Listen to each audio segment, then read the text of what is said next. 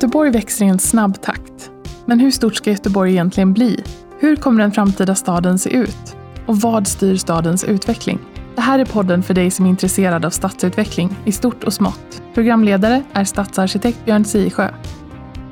Välkomna ska ni vara till Götepodd. Eh, det här avsnittet ska handla om bostäder och kanske mycket mjuka aspekter på boende. Vad är kvalitet? Hur skapar vi bra boenden? Och med mig har jag då eh, Lena Josgård från HSB eh, och Kajsa Krona som båda är regionchef för ett stort arkitektkontor, Tengbom och professor på Chalmers. Men Lena, du kan väl börja med att presentera dig själv? Ja, eh, Lena Josgård heter jag och eh, är affärsområdeschef för fastighetsutveckling på HSB Göteborg. Och, och Kajsa, vem är du då? Jo, men jag är arkitekt, eh, praktiserande arkitekt men också regionchef på ett av arkitektkontoren i Göteborg, Tengbom Arkitekter. Och sen har jag ett ben på Chalmers också. Jag ville aldrig sluta, tyckte det var så roligt att läsa till arkitekt så jag hängde mig kvar där och eh, blev adjungerad professor här för sex, sju år sedan. Så jag undervisar och har varit del i en del forskning och så. I bostadens arkitektur? I bostadens arkitektur, ja precis. Jag har liksom ritat bostäder egentligen sedan jag tog min examen då 98. Kan du ge några exempel på vad det är för bostäder du har ritat? Då? Mm. Ja, men det som kanske är synligast i stan här är ju kronjuvelen som JM har byggt ute på Eriksberg som är 27 våningar högt. Just det. Just det. Mm. Och jag har även ritat ett, eh, ett eh, bostadshus på Gustav Dahlénsgatan också på Hisingen som ligger vid alltså mm. saluhallen där ungefär. Mm. Ehm, och Lena, du, du, vad har du medverkat till för saker i stan som du, som du, som, ehm, som du först kommer på när jag frågar frågan? Ja, det, det som eh, vi har ju medverkat till många bostäder runt om i Göteborg genom åren och eh, framförallt har vi varit med mycket i utvecklingen ute på Eriksberg. Men det som jag tänker på är ju också eh, Studio 1 och Studio 2 i Örgrytetorp vid gamla TV-huset och eh, där vi vann då eh, Kasper Salin-pris för. Just det, just det. Det stämmer det. Där har jag varit ute och tittat. Mm, mm. Väldigt fint. Vi har många fina projekt och eh, många bostäder för medlemmar runt om i Göteborg här genom åren. Så att, eh, åker man på en rundtur så ser man många HSB-skyltar och det känns... Eh, jo, det är väl ingen som inte känner till HSB i Nej. Sveriges land, Nej. tänker jag. Var tionde bostad är en HSB-bostad. Så att, eh, vi går ju igenom vår historia nu så att man får ju en påminnelse nu när vi fyller 100 år. Så går vi igenom och det kommer en liten jubileumsbok och sådär. Så att det är väldigt eh, roligt att se. Jag är så jäkla gammal så jag, jag kommer att tänka på Tältprojektet och Ellen, vår Ellen som har flyttat in i HSB, den mm. låten. Den, min dotter heter Ellen också mm. så det, det, det, nej men det är lite så här, det är folkhem. Ja. ja. Och Kajsa, du har ju gett dig in i debatten om, om, om, om hus och bostäder och, och det här med, med det, det klassiska som nu omhuldas av Ja, har många, men våra politiker inte minst. Det stämmer. Ja, vad, vad, säger du då när du gör dig in i den, debatten? Ja, men den är ju polariserad. Att det blir väldigt svartvitt och eh, det låter på eh, många som förespråkar den klassiska stilen som att det är lösningen på eh, väldigt många av våra problem. Men för mig blir det en symbol för någonting annat. Eh, det är lite grann som att säga att nej men, allt som är byggt säger man ju då efter 1910, det skulle varit obyggt. Vi skulle ha ritat eh, med klassiska eh, ideal istället. Och, och då tänker jag lite grann att ja, men då kanske vi inte ska lyssna på musik heller som är skriven på 1900-talet. Utan vi ska backa bandet och säga att ja, men det, det, vi ska skrivas på samma sätt som vi gjorde i slutet på 1800-talet eller tidigare. Det blir samma förhållningssätt. Att eh, det handlar inte om stil, om det är eh, bra arkitektur eller kvalitet i arkitektur. Utan det handlar ju om omsorg om detaljen och om eh, hur man möter gatan mellan byggnad och gata och hur den förhåller sig till staden och det är massa andra frågor. Så stilen blir eh, ett uttryck för att vi tycker att vi, vi inte har byggt med kvalitet. Och det kan vi ju diskutera. Vad är det som gör att vi inte bygger med kvalitet i Sverige? Och där finns det ju många svar på den frågan. Ja men Lena, nu fick du en fråga här. Vad, vad, vad har du för svar på den frågan? Att vi inte bygger med tillräcklig kvalitet, gör vi det eller? Jag tycker att det är väldigt stor variation. Alltså det byggs ju mycket med dålig kvalitet och det byggs eh, en hel del med bra kvalitet också. Men jag tror att det är just det här eh, eh, som är grunden till den här diskussionen. Jag håller helt med eh, Kajsa och tycker att det är en alldeles ytlig diskussion och eh, eh i en komplex eh, fråga.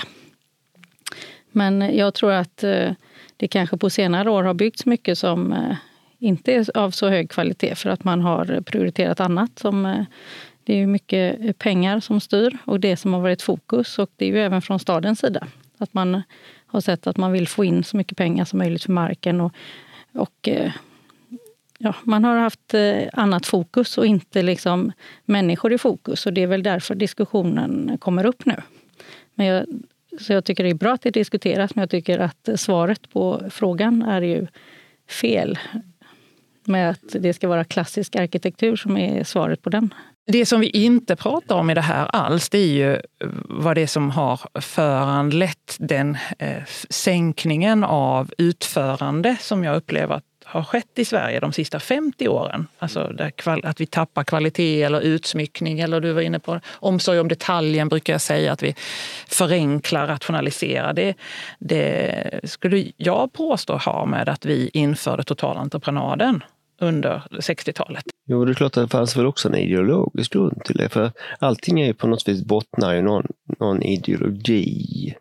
Uh, uh, Sverige har, har en, en byggindustri idag som är mycket mer storskalig än till exempel Tysklands. För att det var ju ett uttalat mål för, för den nationella politiken att göra en strukturrationalisering Absolut. under de här årtiondena. Det, det lever man fortfarande. Det förstås. gör man och den är kopplad till totalentreprenaden. För totalentreprenaden uppstod just för att vi skulle sysselsätta våra stora entreprenörer eh, som då hade jobbat med infrastruktursatsningar och som gick över till bostadsproduktion i miljonprogrammet. Eh, och det är väl lite grann det, det utvecklingen som vi idag lider av och som den här stildebatten egentligen utgår ifrån. Att man idag blickar tillbaka och tänker vad det var, så var det där valet. Och så förkastar man hela 1900-talet istället för att se att det har funnits olika stilar och eh, olika uttryck. Och allt som byggdes på 70-talet kan man inte heller säga att det var dåligt. Utan där finns ju massor med jättefina hus. Så vi måste särskilja det där. Vad är kvalitet och vad är inte kvalitet? Och det är fortfarande så, skulle jag säga, att totalentreprenaden sänker många av de byggprojekten vi har genom att vi, vi hela tiden upphandlar på pris och vi har, eh, delegerar ut ansvaret till entreprenörerna istället för att äga det då som eh, om man tittar på våra grannländer till exempel. Du som, du som eh, bostadsproducent, gör ni så? Nej, vi handlar ju upp eh, totalentreprenader även eh, på HSB, men vi har väl ganska styrda totalentreprenader. Men sedan beror det också på hur man, hur man handlar upp det. Alltså väljer vi eh, eh, lägsta pris? Nej, det gör vi kanske inte alltid, utan vi väljer den som levererar bäst kvalitet. Nu måste ni berätta så att, så att lyssnarna förstår vad en totalentreprenad en totalentreprenad är ju då att, eh, att vi lämnar en beställning till entreprenören och eh, entreprenören levererar eh, en produkt och egentligen jag säger att vi har en styrd totalentreprenad och det betyder att vi lägger oss i vilka material och annat. Men annars så är det att man kan byta ut en likvärdig produkt och liksom optimera så att det blir så ekonomiskt som möjligt, bygget. Då.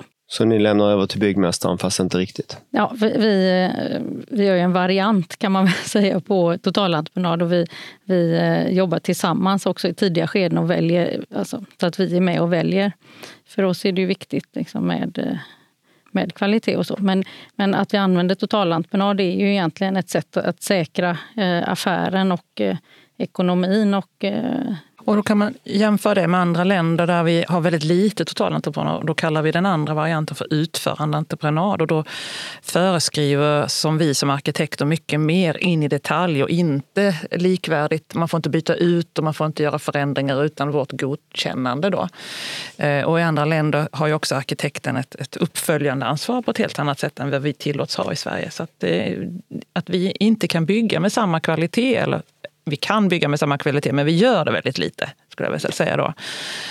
Eh, eller vi gör, om man ska ytterligare nyansera, så har vi eh, fler projekt än de nordiska grannländerna som håller sämre kvalitet än vad de, våra grannländer har. just på grund av totalentreprenad, skulle jag påstå. Men jag, jag, tror inte att det är själva entreprenadformen egentligen som är grundproblemet, utan grundproblemet är ju hur eh, Alltså hur ser man på det man bygger? Vem gör man det för? För de som ska bo där och de som ska leva i staden. Och, eh, och alltså vad har man för incitament? Liksom? Är, det, är det eh, att jag vill tjäna så mycket pengar som möjligt på det här eh, och, och bygger på grund av det? Eller bygger jag för att de som ska bo där ska leva ett gott liv? Alltså, och, och jag tror att oavsett entreprenadform, för att det kan man ju alltså styra. Vi kan ju eh, handla upp och föreskriva, liksom bestämma hur, hur, vad frågar vi på. Vi frågar på den här materialen som måste godkänna i så fall och vara med på den resan. Så att, eh, så att jag tänker att eh, HSB jobbar ju med totalentreprenad lika väl som, eh, som många andra, men man kan ändå nu är jag ju jävig då, men jag tycker att man kan se kvalitetsskillnader i kanske det vi bygger ibland då jämfört med eh, vissa andra projekt där man har olika fokus och det är olika, man har olika företagsmodeller. Och vi, eh... Du säger att man får oftast vad man strävar efter. Ja. Stämmer man efter mycket pengar så får man det. Stämmer mm. man efter eh, kvalitet, bra, bra så, får kvalitet man det. så får man det. Ja. Just det. Mm. Inte nödvändigtvis båda på samma gång. Nej. Vad säger du när du hör det här Kajsa? Nej, men jag påstår ju då, eller vidhåller ju då att eh, med en dåres envishet att skulle vi tagit bort totalentreprenaden så hade kvaliteten höjts i det byggda i Sverige. är helt säker. Eftersom vi då hade haft en större styrning på, på eh, bygghandlingen egentligen. Att vi, förfrågningsunderlaget hade varit mycket mer bearbetat och eh, vi hade kunnat styra det byggda mycket mer. Eh, och jag vet att HSB har sin modell på hur man jobbar och ni har också som krav att ta med sig den ursprungliga arkitekten in i bygghandlingen. Men det är ju väldigt sällan det görs. Utan oftast så splittrar man ju då eftersom eh, byggherren eh, som har beställt uppdraget har haft en arkitekt och sen så beställer man en bygghandling som ska genomföra uppdraget av en entreprenör som då tar in en annan arkitekt. Och det skapar ju, en, en, det skapar ju inte det här helgjutna tänket kring arkitektur. Alltså arkitektur är ju allt från första tanken till det utförda och det, det vi lever i. Och för att skapa den här höga konstnärligheten som, som jag upplever att vi ser både Norge, Danmark och Finland, den är mycket svårare att uppnå i Sverige just för att vi har den här uppdelningen. Och vi jobbar med den nästan som, som ett, eh, Eh, ett medel att sänka kostnader, att eh, prov, hela tiden konkurrensutsätta. Och att, eh, det gör ju kommunen också. Alltså kommunen släpper ju hela tiden mellan de olika faserna till olika arkitekter. Det blir aldrig någon som, som har helhets... Eh, eh, ansvaret och som tar det hela vägen in i mål och som skulle kunna stämpla det här när det är färdigt. Vi klarade vi, vi uppnådde allt. Precis som vi stämplar att elen funkar, att, att ventilationen funkar så skulle vi stämpla att arkitekturen funkar. Vi har kvar de kvaliteter vi pratade om i början. Men om vi då börjar med stilen då, där vi började, om vi bara, bara ska avsluta den, så är ju det den utförda detaljen som är välgjord och håller över tid. Som skapar eh, mervärdet där man rör sig. Alltså jag brukar prata om de tre skalorna. Att man, man ser någonting från långt håll, man ser någonting från ett nära håll och när man står alldeles intill så är det någonting annat. Att ska, man ska som människa uppleva olika saker för att få stimulans och för att uppleva att något är vackert. Du pratar om arkitektur som ger, ger upplevelser av skönhet. Ja, precis, ja, ja. precis. Det är ju en kvalitet som vi alla värnar efter. Det är därför stildebatten har kommit igång. Och, och jag tror att många som går i de pittoreska stadsdelarna kan liksom inte sätta fingret på vad det är man tycker är fint. Utan man kanske säger att ja, det är trähus och så tycker man trähus är fint. Men det kan ju handla om att, att man har jobbat med trädetaljer runt fönstren och eh, mot sockel och knutbrädor och takavslut. Alla de här delarna som är bearbetade och välgjorda som man kanske inte ser när man passerar utan det, det är bara något man upplever. Eh, och det är samma sak när man kliver in i en bostad. Alltså hur, hur får man med sig dagsljuset in i trapphuset? Hur leds man till sin entrédörr, om vi nu pratar flerbostadshus?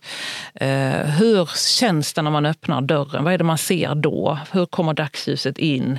Eh, vi brukar säga siktlinjen, ett sånt här populärt arkitektord som betyder att när man står på en punkt så ser man igenom någonting för att ytterligare se ut. Eller, eh, man kan stå i hallen, se genom köket, ut mot vardagsrummet och sen avsluta då ögonlinjen mot balkongen.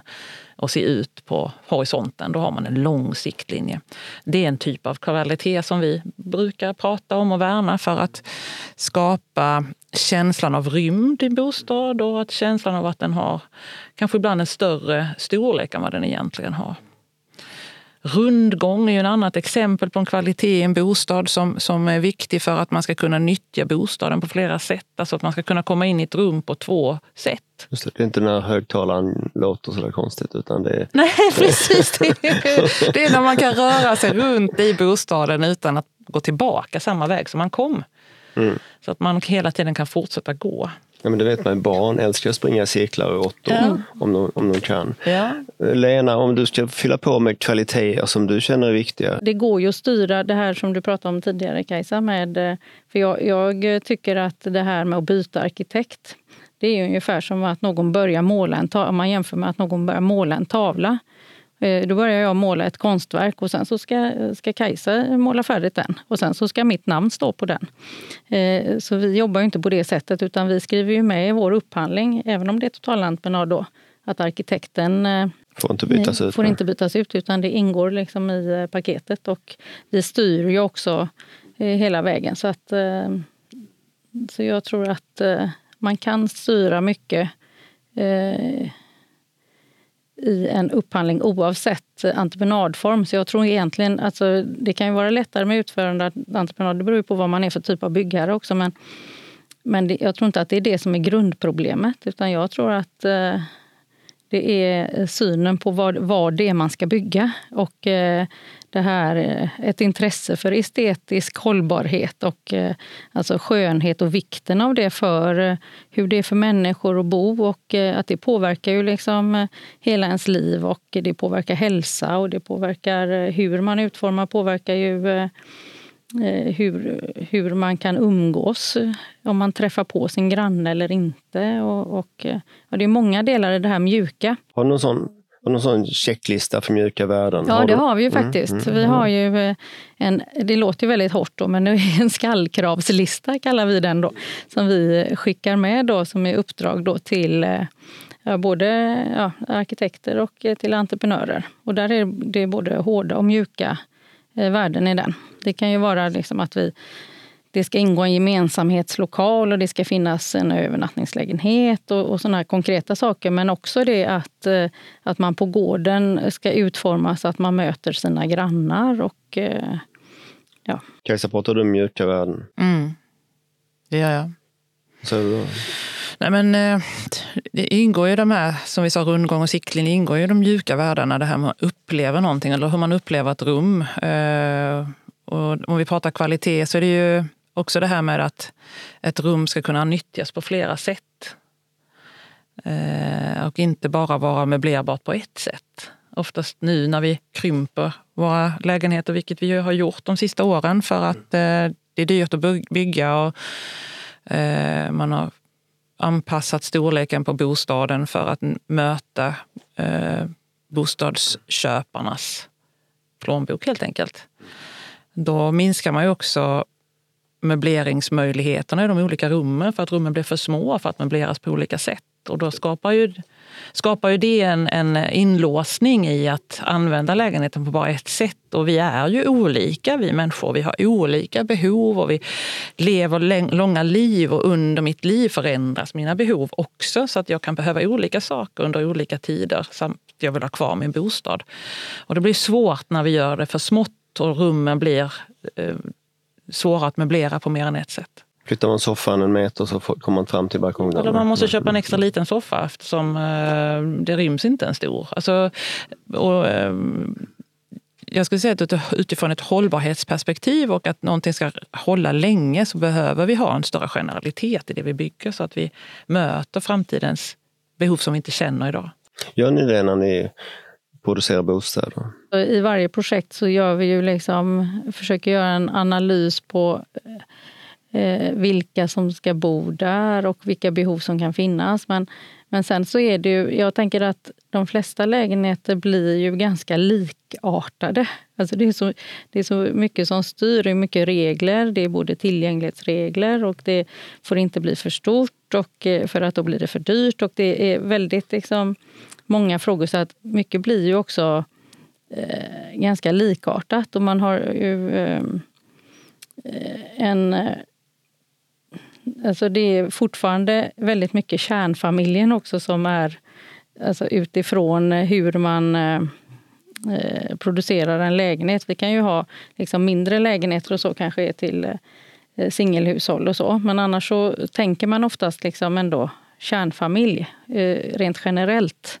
Så att eh, just att ha den här flexibla lägenheten för olika delar i livet. Men det kan ju också vara så där att eh, familjekonstellationer kanske ser olika ut. Och det är inte alltid en kärnfamilj utan man kanske har barn varannan vecka eller det kan vara att man är generationsboende och det kan vara på många olika sätt. Så att jag tycker att eh, och det är ju en utmaning att få till det också då på ett bra sätt eh, när eh, allt annat ska... Alltså det är ju en Eh, en kompromiss av en massa olika faktorer eh, som man behöver få till. Och då är det ju liksom att hitta den bästa kompromissen hela tiden som är en utmaning och det är ju därför vi behöver duktiga arkitekter som hjälper oss med att få till detta. Och att det samtidigt ska vara praktiskt, men samtidigt ska det också liksom kännas bra.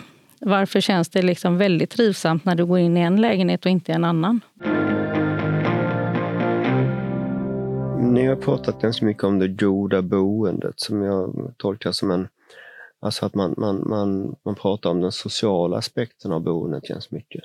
Det är inte sådär liksom, hur ser det ut bara, utan det är mer hur fungerar det och hur är det knutet ihop med staden? Kan du utveckla det lite grann?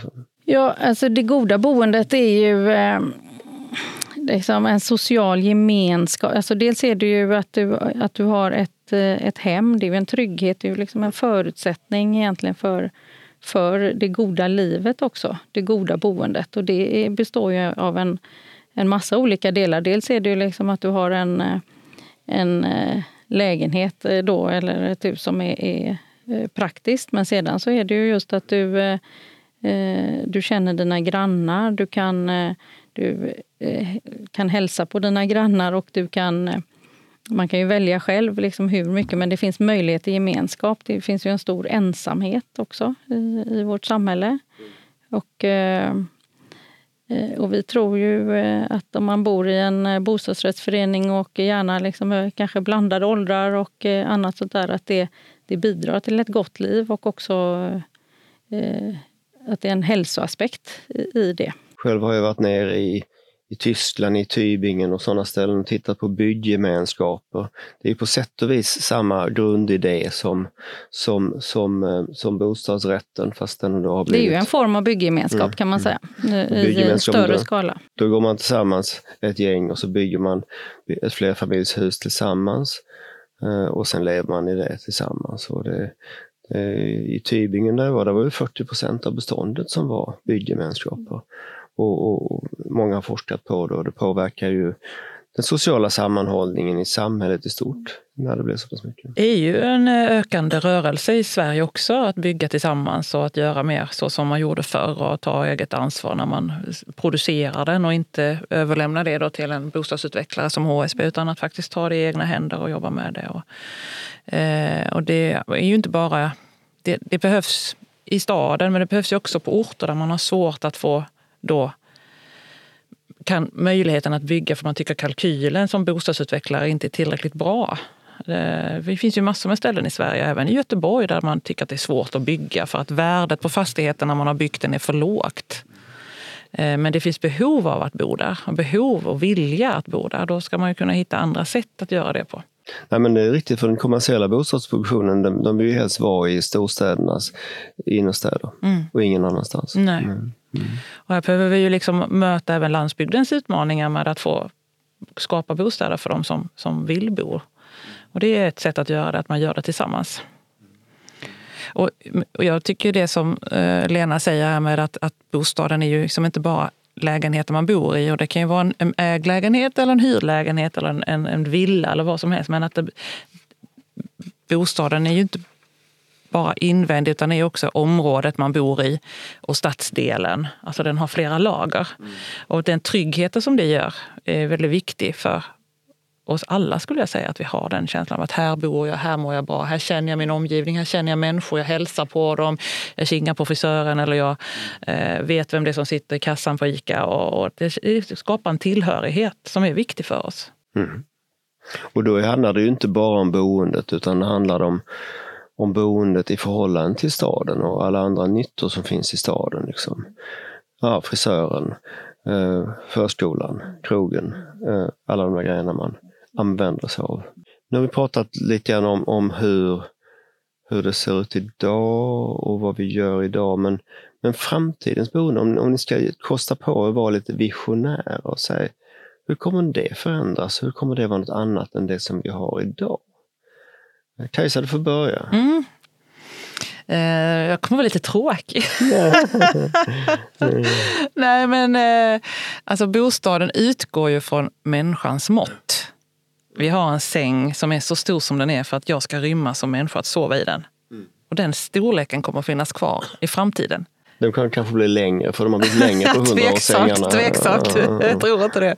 Jag tror det är något vår längd. Så att jag tror att, och det är samma med alla våra möbler, de har ju storlek efter människokroppen och vi möblerar utifrån hur vi behöver möblera för att rymmas. Så att, så att våra, våra rumsliga behov i bostaden framåt kommer finnas kvar eh, när det gäller hur vi sover, hur vi äter, hur vi umgås. Mm. Eh, Eh, det som kommer förändras och som redan förändras det är ju tekniken eh, som ju revolutioneras just nu med AI. Eh, och vi har också robottekniken som är på frammarsch och som kommer, kommer tror jag, genomgripande förändra vårt sätt att leva och vårt sätt att arbeta.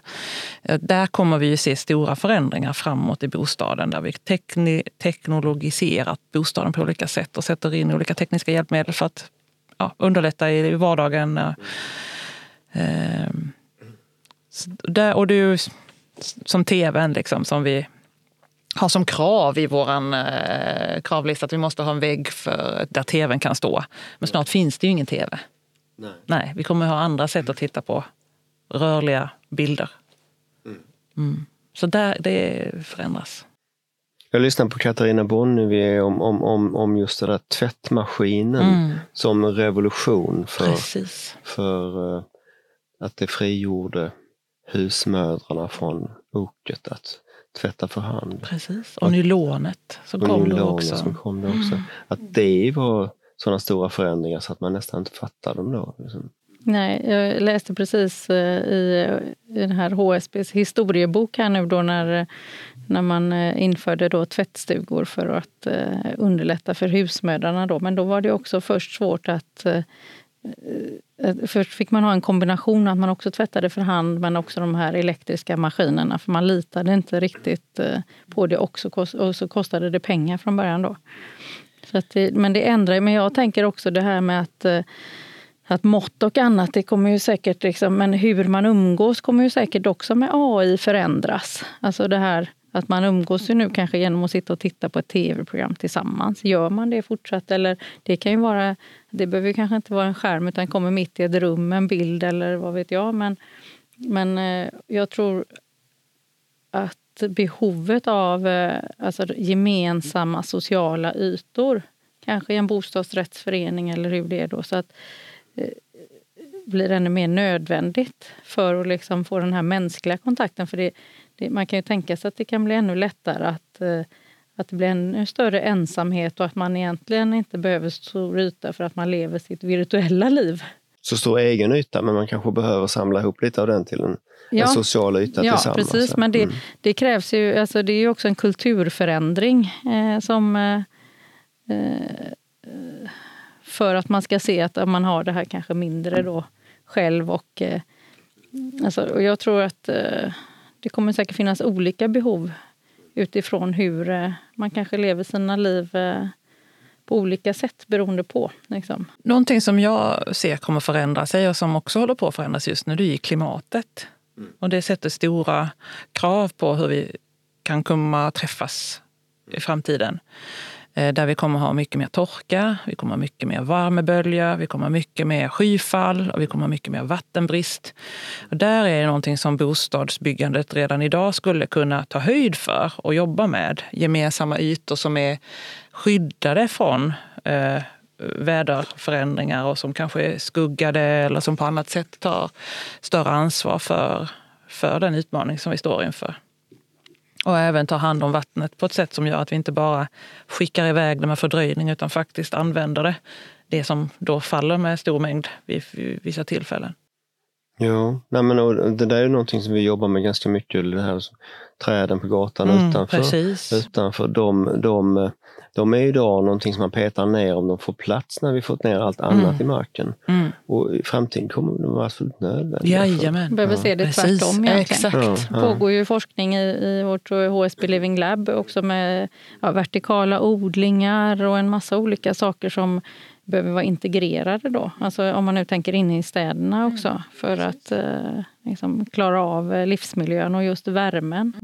Ja, och, och, växtlighet är ju, är ju oslagbart när det gäller att moderera klimat. Så det, det, det, nej men, jag har råkat på sådana här attityder som att eh, man säger nej, vi måste få till trädrader längs alla gator. Jaha, så vi ska inte ha dricksvatten då? det, är liksom, det är inte antingen eller, utan vi måste lösa uppgiften hela mm, vägen. Mm.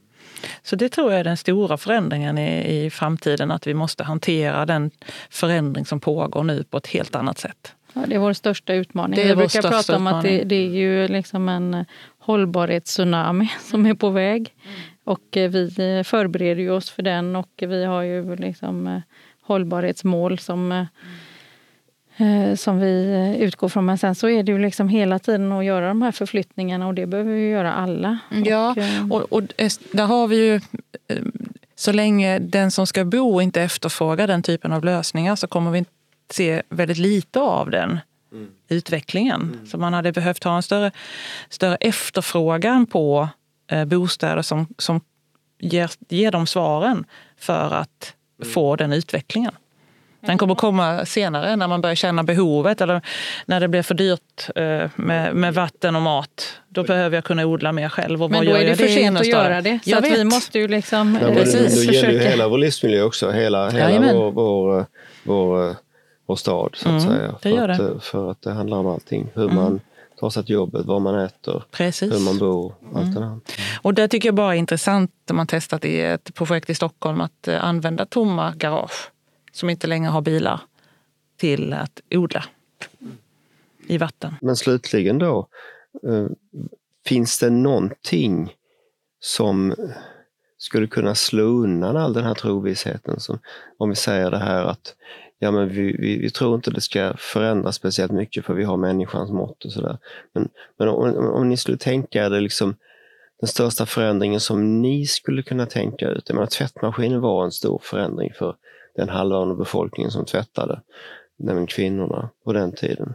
Vad är det som skulle kunna hända nu som skulle kunna vara en game changer? Jag tänker teknik, alltså AI, teknik och också mobilitet. Alltså hur, alltså för det styr ju jättemycket, liksom själva infrastrukturen och hur vi förflyttar oss. Eh, eh, det påverkar ju väldigt mycket på hur vi kan bygga och hur mycket grönt det får plats. Liksom, och, och, och eh, förflyttar vi oss i luften? Liksom, i, eller behöver vi alla vägar? Eller, eh, alltså sådana här saker, det är väldigt svårt att, att tänka sig. Alltså man Just tänker ju lätt science fiction-filmer, ser man framför sig, men det, det, det, är oftast lite dystert. Så inte utan, vi får, utan hälften, grönt. I hälften av staden mm. asfalt så får vi inte plats med så mycket Nej. Uh, god goda nyttor och, och god gestaltad livsmiljö. Nej.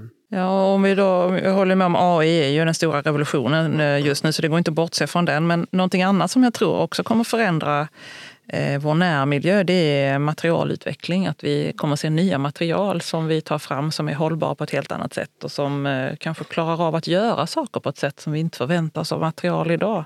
Det mm. kan vara att spara energi eller utge energi. Och, eh, allt möjligt som, som kan göras med, med det på ett sätt. Ja, och som också inte förbrukar åt, nej, jorden precis, utan liksom, som ger tillbaka, ger tillbaka eller som kan återbrukas ja. på ett nytt sätt. Och. Nej, men Visst alltså, för, för byggtekniken är ju lite outvecklad. Armerad betong är över hundra år gammal till Jajamän. exempel. Det, det, Det räcker inte. Oarmerad betong är åtskilliga tusen år Ja, gammal. precis. Så att, eh, Den som lever får se, som man brukar säga. Precis. Och vi får försöka följa forskning och försöka liksom, ta med det här med nya material och nya sätt att se och återbruk och annat sådär. Så att det, det Men kanske även nya livsmönster. en, ja, Hur är precis. det? Ja, Kärnfamiljen är ju stark, men, men Mm. ja. det händer mycket annat också. Mm. Då vill jag tacka er så väldigt mycket för att ni kom hit. Superintressant samtal.